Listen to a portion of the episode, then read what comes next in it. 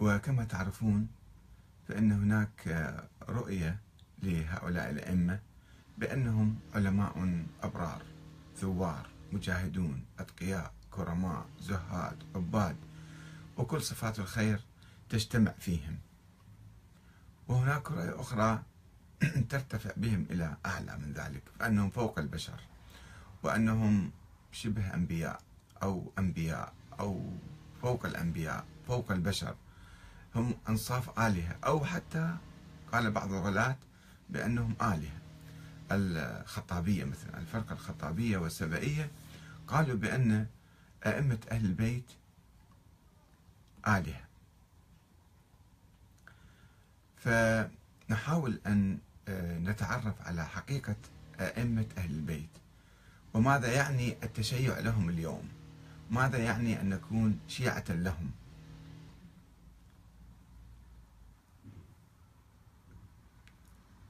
نحاول في هذه الحلقات اليوم آه، التركيز على آه، فترة خلافة الإمام جعفر الصادق وماذا كانت تعني وماذا أحدثت من تشعبات وتيارات. وقد بحثت هذين هاتين الرؤيتين حول التشيع في كتابي التشيع السياسي والتشيع الديني. فقلت في هذا الكتاب خلاصة هذا الكتاب أن التشيع لأهل البيت كان تشيعا سياسيا في مقاومة الظالمين والطغاة ومن أجل إحقاق الحق والعدل في المجتمع الإسلامي. وأن النظريات الأخرى هي نظريات غلاة. كانوا يحاولون أن يستفيدوا من الغلو يستفيدوا لأنفسهم حتى يدعوا لهم مناصب ومكانات معينة عند هؤلاء الأئمة وعند عامة الشيعة. وأن الأئمة كانوا يقاومونهم كانوا يرفضون آه، هذا الشيء.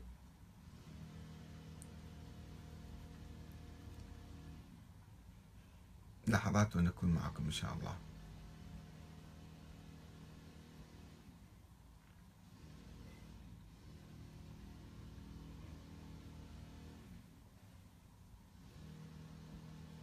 نعم. فإذا هناك رؤيتان رؤية حقيقية واقعية. ويمكن أن نأخذ جوهرها أن الحركة الشيعية هي حركة آه، في التاريخ الإسلامي كانت تناضل من أجل العدل والحق والحرية. وإذا كان الأئمة غير موجودين حاليا أئمة أهل البيت فإن جوهر التشيع مستمر وباقي إلى يوم القيامة.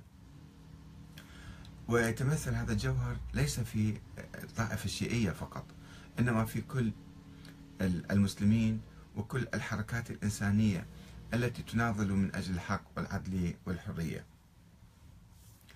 أما النظرية الأخرى النظرية المغالية لأهل البيت فهي نظرية غالت في زمانهم واعتقدت اعتقادات خرافية ونسبت إلى أهل البيت أعمالا خرافية معاجز لم يفعلها حتى النبي محمد صلى الله عليه وآله وسلم.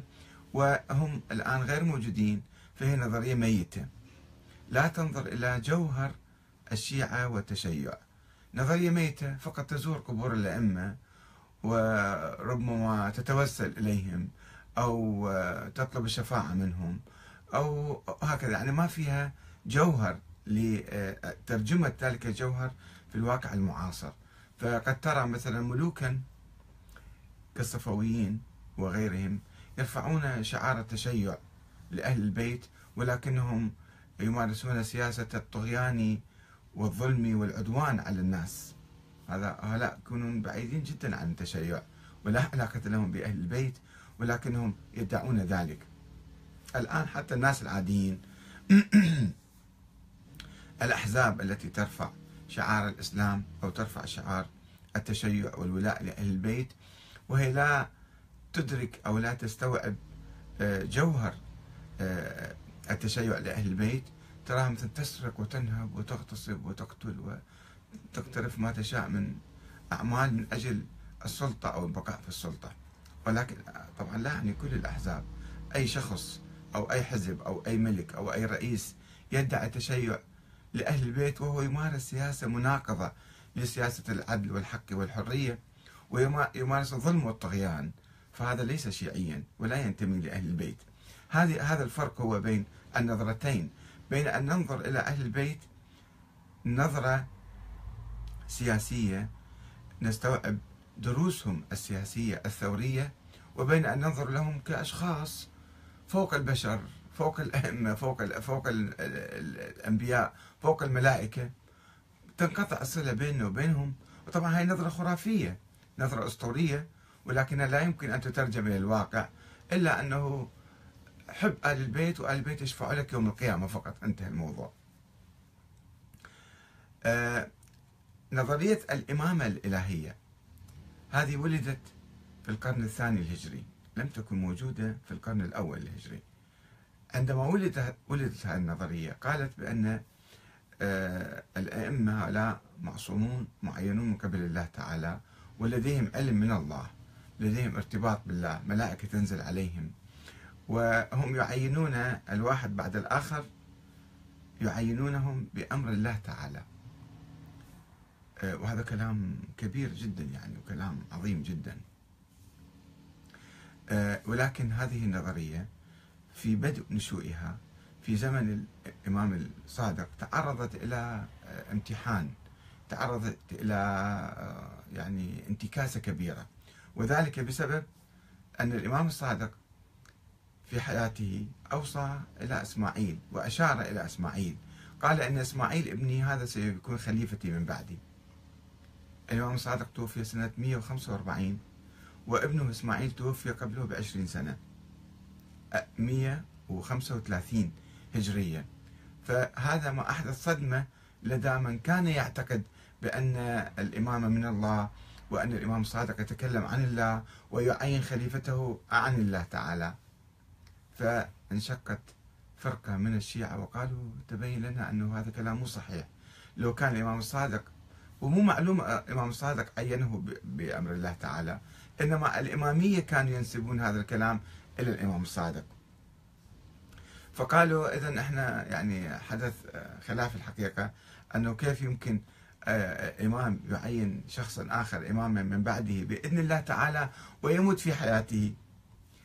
فقالوا أن الإمام الصادق قال لقد بدا لله في إسماعيل. الله غير رأيه. كان إسماعيل مقرر هو يصير إمام ولكن الله غير رأيه. لم يقبل آه، آه، قسم من الشيعة قسم عقلاني من الشيعة أنه هذا الكلام أنه مو معقول الله يغير رأيه في الإمامة. لأن راح راح يعني يهز نظرية الإمامة ومصداقية الأئمة. إذا الإمام كل يوم يعين واحد ويتغير ويموت في حياته فإذا هذا يعني راح يشكون فيه فما هي المصلحة في حدوث البداء. آه، وحدثت تحولات وتطورات عديدة في الجسم الشيعي في الإمامي في ذلك الوقت. سوف نستعرضها في عدة حلقات. الآن عن الحلقة الأولى نتحدث عن انشقاق السليمانية فريق أو فرقة من الإمامية. انشقت وكفرت بنظرية الإمامة لحدوث هذه المسألة لمسألة وفاة إسماعيل في حياة الإمام الصادق. وسوف نتحدث في حلقات أخرى عن آه، ذهاب الشيعة بعد ذلك إلى آه، عبد الله الأفطح وقولهم بإمامته وإجماعهم عليه. ثم أيضا شطب اسم هذا الإمام والانتقال إلى موسى بن جعفر. موسى بن جعفر أيضا كيف أصبح إماما؟ بماذا بأحاديث ومعاجز سوف نتحدث عنها وننظر هل هي حقيقية أم مصطنعة وما هو موقف الإمام موسى بن جعفر من نظرية الإمامة ومن قيادة الشيعة. هل كان يؤمن الإمام موسى بن جعفر بنظرية الإمامة وهل كان يتصدى لكي يكون إماما أو لا؟ هذه عدة حلقات مختصرة إن شاء الله. نتحدث عن يعني انهيار نظرية الإمامة في الحقيقة في بعد الإمام الصادق وفي حياة الإمام الصادق. فإذا نتحدث الحلقة الأولى عن أزمة خلافة الإمام الصادق. لماذا انشق السليمانية عن الإمامية عن الشيعة الإمامية بعد وفاة إسماعيل؟ بعد إشارة الإمام جعفر الصادق إلى ابنه إسماعيل كخليفة مرتقب من بعده ثم وفاته في حياته في حياة الصادق سنة 135 يعني قبل 20 سنة من وفاة الصادق. هذه الوفاة آه، أحدثت صدمة نفسية لدى فريق من الشيعة الذين تساءلوا لو كان تعيينه من الله لما مات قبل أبيه أو لم يكن الصادق يشير إليه من قبل خلافا لإرادة الله. إذا الله كان يريد موته قبل فلماذا صادق يشير أن هذا إمام بعدي؟ فإذا هو ما عنده علم من الله تعالى. آه، ولم يكن الله تعالى ليخبر أحدا بأن فلانا سيكون إماما ثم يتوفى قبل أوان إمامته.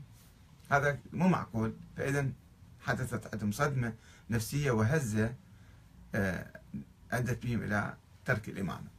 وذهب بعضهم وذهب بعض الشيعة حتى يرقعوا هاي المسألة المشكلة آه، إلى حدوث البداء عند الله تعالى. الله غير رأيه كان يقول سبحانه وتعالى هاي نظرية البداء أن الله صحيح الإمام الصادق عين إسماعيل بإذن الله تعالى. وبعلم من الله. ولكن الله غير رأيه موت إسماعيل. حتى يحل المشكلة أو يبرر هذا التناقض. آه، وتغيير رأيه في إسماعيل. لماذا الله غير رأيه في إسماعيل؟ لا تسألهم. بينما ذهب قسم آخر إلى إنكار وفاة إسماعيل. أحسن شيء سووا الإسماعيلية. قال لا ما دام الإمام الصادق عين إسماعيل بعده إمام من الله تعالى الله مو معقول يغير رأيه ولا يبدو له. وإسماعيل إذا ما مات ننفي وفاة إسماعيل ونرتاح. طيب إمام الصادق دفن إسماعيل أمام الناس ونزله ثلاث مرات وكشف وجهه وقال شوفوا هذا إسماعيل في المدينة وحفلة الجنازة والتشييع وكذا ما هو شيء سري. ولكن الباطنيين اللي يفسروا كل الأمور بصورة متناقضة. فوجدوا حلا في أن ينكروا وفاة إسماعيل. إسماعيل ما مات خلاص ارتحنا. الله لا غير رأيه ولا إسماعيل مات. والزعم بأن عملية دفنه كانت مسرحية أعدها الصادق للتقية. يعني كل شيء كان الكلام يعني كل واحد كان يأتي بما يشاء من الكلام. وأصر هؤلاء على نقل الإمامة بعد الصادق إلى ذرية إسماعيل. خلص صارت الإمامة في أبناء إسماعيل. ثم شكلوا الفرقة الإسماعيلية. من هنا نشأت الفرقة الإسماعيلية أنه الإمام الصادق أشار إلى إسماعيل وإسماعيل لم يمت إنما اختفى والإمام انتقلت في ذريته. بينما قام فريق آخر بزعامة سليمان بن جرير الرقي. هذا كان زعيم قبلي شيعي في وسط العراق في حوالي بابل والكوفة بين بابل والكوفة. قام بمراجعة آه، هذول قاموا هالفريق قام بمراجعة موقفهم من نظرية الإمامة الإلهية أنه هذه تبين أنه مو نظرية صحيحة. لا الله بدا له ولا إسماعيل ما مات. إسماعيل مات والله ما غير رأيه. إنما كان النص على إسماعيل مسألة عرفية من عنده الإمام الصادق مو من الله تعالى. فكفروا بنظرية الإمامة الإلهية. وذلك حسب ما يقول النوبختي. خلينا نقرأ النوبختي شنو كاتب. مو من عندي أنا من النوبختي. والنوبختي مؤلف شيعي إمامي في نهاية القرن الثالث وبداية القرن الرابع توفى 301 310 يعني توفى في كان معاصر للإمام الحسن العسكري حتى. وكتب كتابه فرق الشيعة للنوبختي. وطبعا فرق أخرى أيضا أكدت هذا الموضوع يعني كتابات أخرى. ماذا يقول النوبختي لا تلوموني إلي في كلام قاسي وكلام جارح وكلام عنيف. هذا ناقل الكفر ليس بكافر. أنا أنقلكم ماذا كتب النوبختي وأنتم راجعوا آه، كتاب فرق الشيعة. وشوفوا شنو قايل. ينقل قولهم. أنهم لما أشار جعفر إلى إمامة ابنه إسماعيل. ثم مات إسماعيل في حياة أبيه. رجعوا عن إمامة جعفر. وقالوا كذبنا. إحنا خدعنا كذبنا. ولم يكن إماما أصلا هذا مو إمام من الله يعني. لأن الإمام لا يكذب. ولا يقول ما لا يكون. قال إسماعيل بعدي ومات قبله فهذا الإمام ما يصير يقول في الشيء ما يصير. أو يصير بعكسه.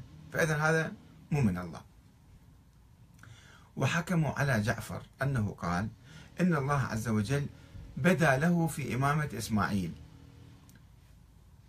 فأنكروا البداء والمشيئة من الله. قال مش مو معقول. الله يغير رأيه. إذا مسألة هي إلهية. ومن الله. الله ما يغير رأيه. وهذا كلام ادعاء هذا. وقالوا هذا باطل لا يجوز. ومالوا إلى مقالة البترية. البترية شيعة يحبون أهل البيت ولكن ما يعتقدون ذولا هم منصوبين من الله تعالى. أئمة عاديين بشر علماء أبرار عاديين. هذول الشيعة البترية.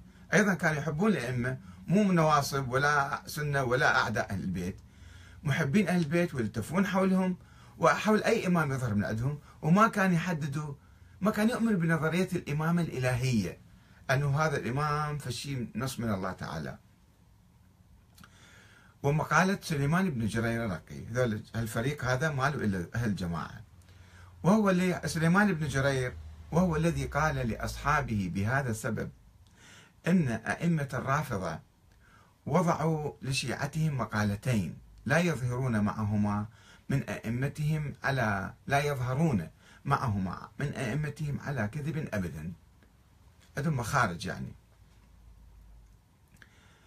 وهما القول بالبداء وإجازة التقية.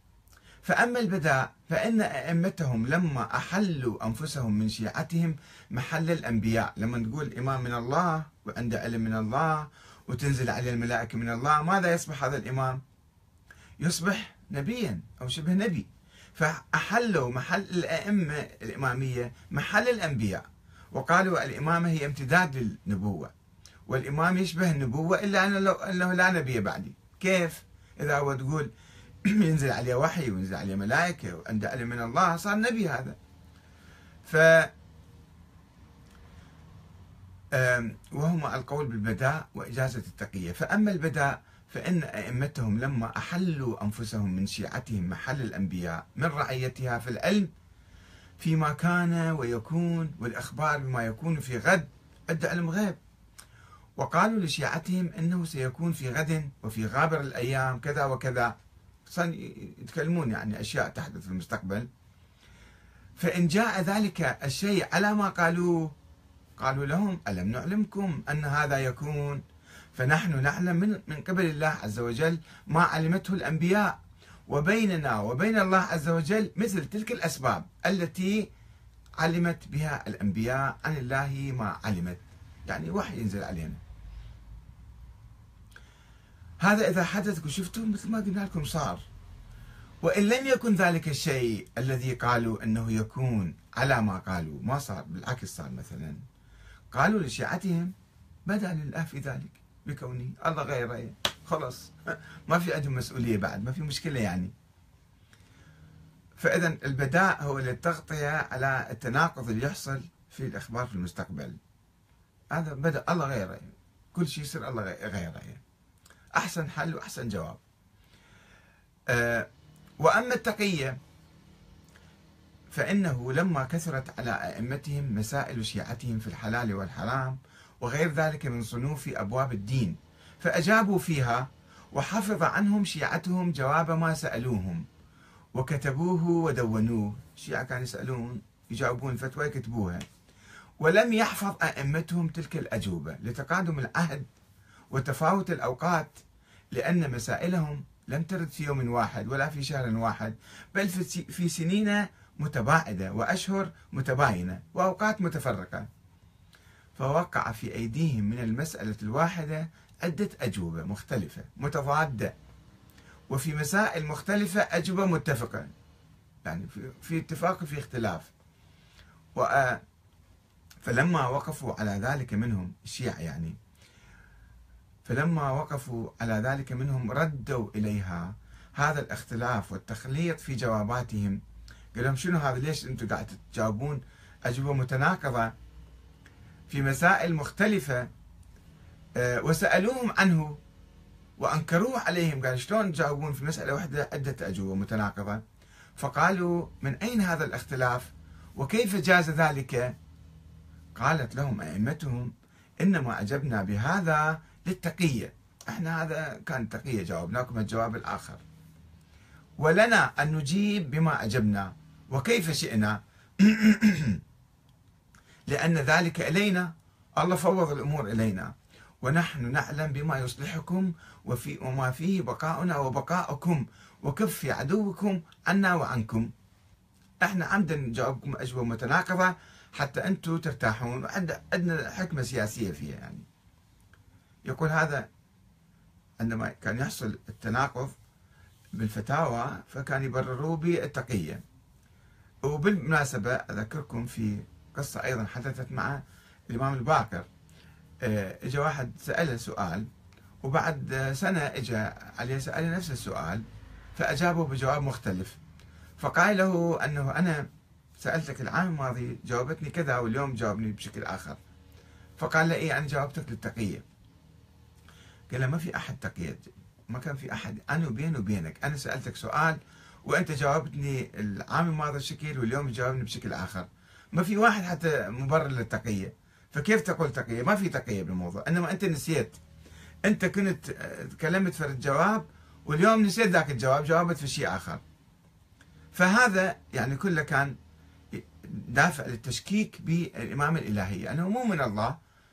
علماء مجتهدين حسب ما يخطر في بالهم يجاوبون. هذا سليمان الرقي يقول فمتى يظهر من هؤلاء على كذب؟ شلون نعرف أن هذول يخطئون أو يصيبون وصدق يحجون ولا مو صدق يحجون؟ ومتى يعرف لهم حق من باطل؟ كله في تبريرات في بداء وفي تقية. فإحنا ضعنا بين البداء وبين التقية. فمال إلى سليمان بن جرير هذا لهذا القول هذا سليمان قال هالكلام.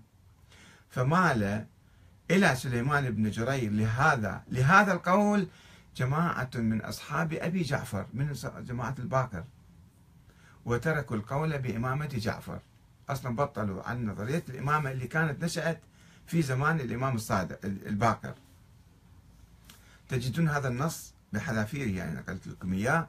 وأنا مو مسؤول عنه تقولون أحمد الكاتب ده يقول هذا آه، النوبختي في فرق الشيعة صفحة 63 إلى 66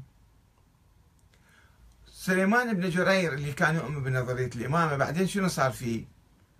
ذهب بعد ذلك إلى القول أن الإمامة شورى، رجع إلى النظريه الطبيعية المعقولة أن الإمامة بالشورى. وجواز إمامة المفضول مو شرط يكون أفضل واحد وأعلم واحد ومعصوم ومعين من قبل الله وكذا وكذا وكذا لا. أي واحد يصير إمام يمكن يصير إمام بالشورى. لاحظوا شلون؟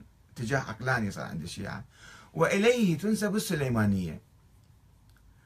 ويظهر من النوبختي أن السليمانية انشقوا عن الجعفرية. يعني هو اتهم من كلام النوبختي أن آه، سليمان اتهم جعفر الصادق بالكذب والعياذ بالله.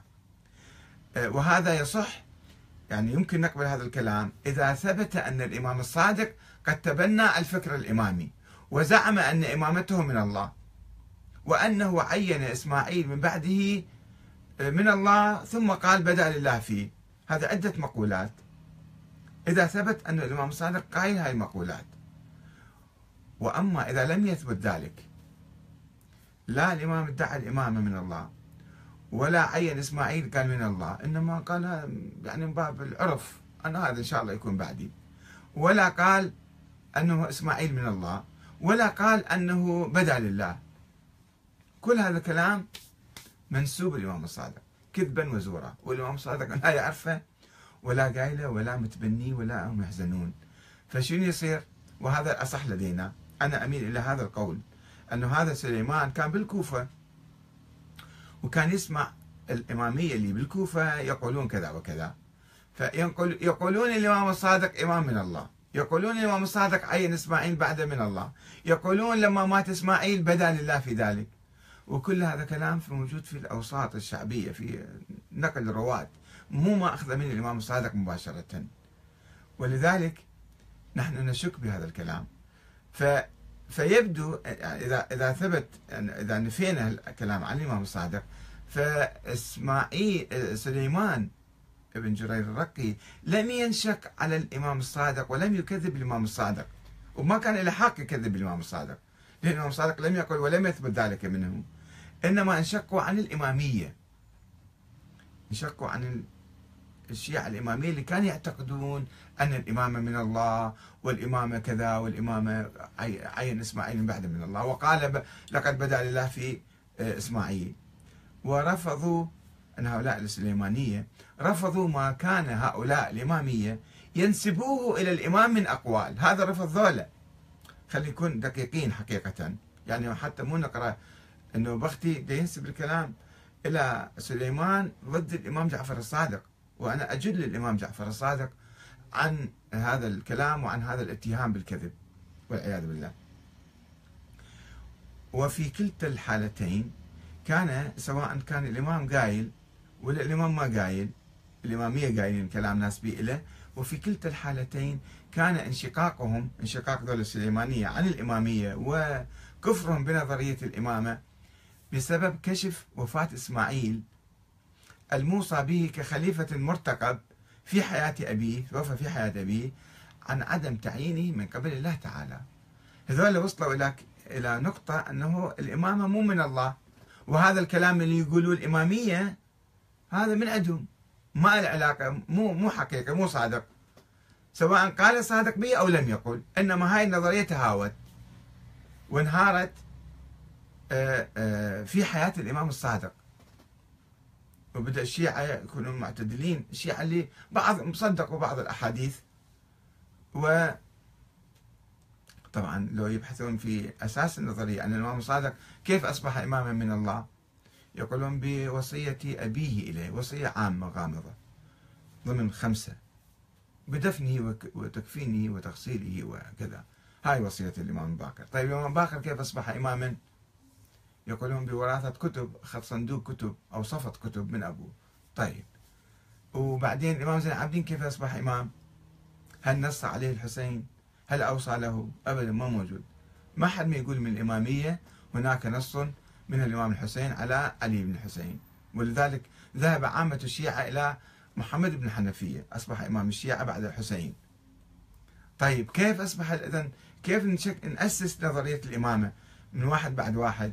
حلقة تنفقد والرابط يعني ينفصل يقولون الحجر الأسود تكلم سوى معجزة وتكلم وأعطى الإمامة إلى علي بن الحسين. تكلم السلام عليك أيها الإمام وكذا. وهذه أسطورة. أسطورة لا يمكن أن تقوم عليها عقيدة دينية أو نظرية سياسية.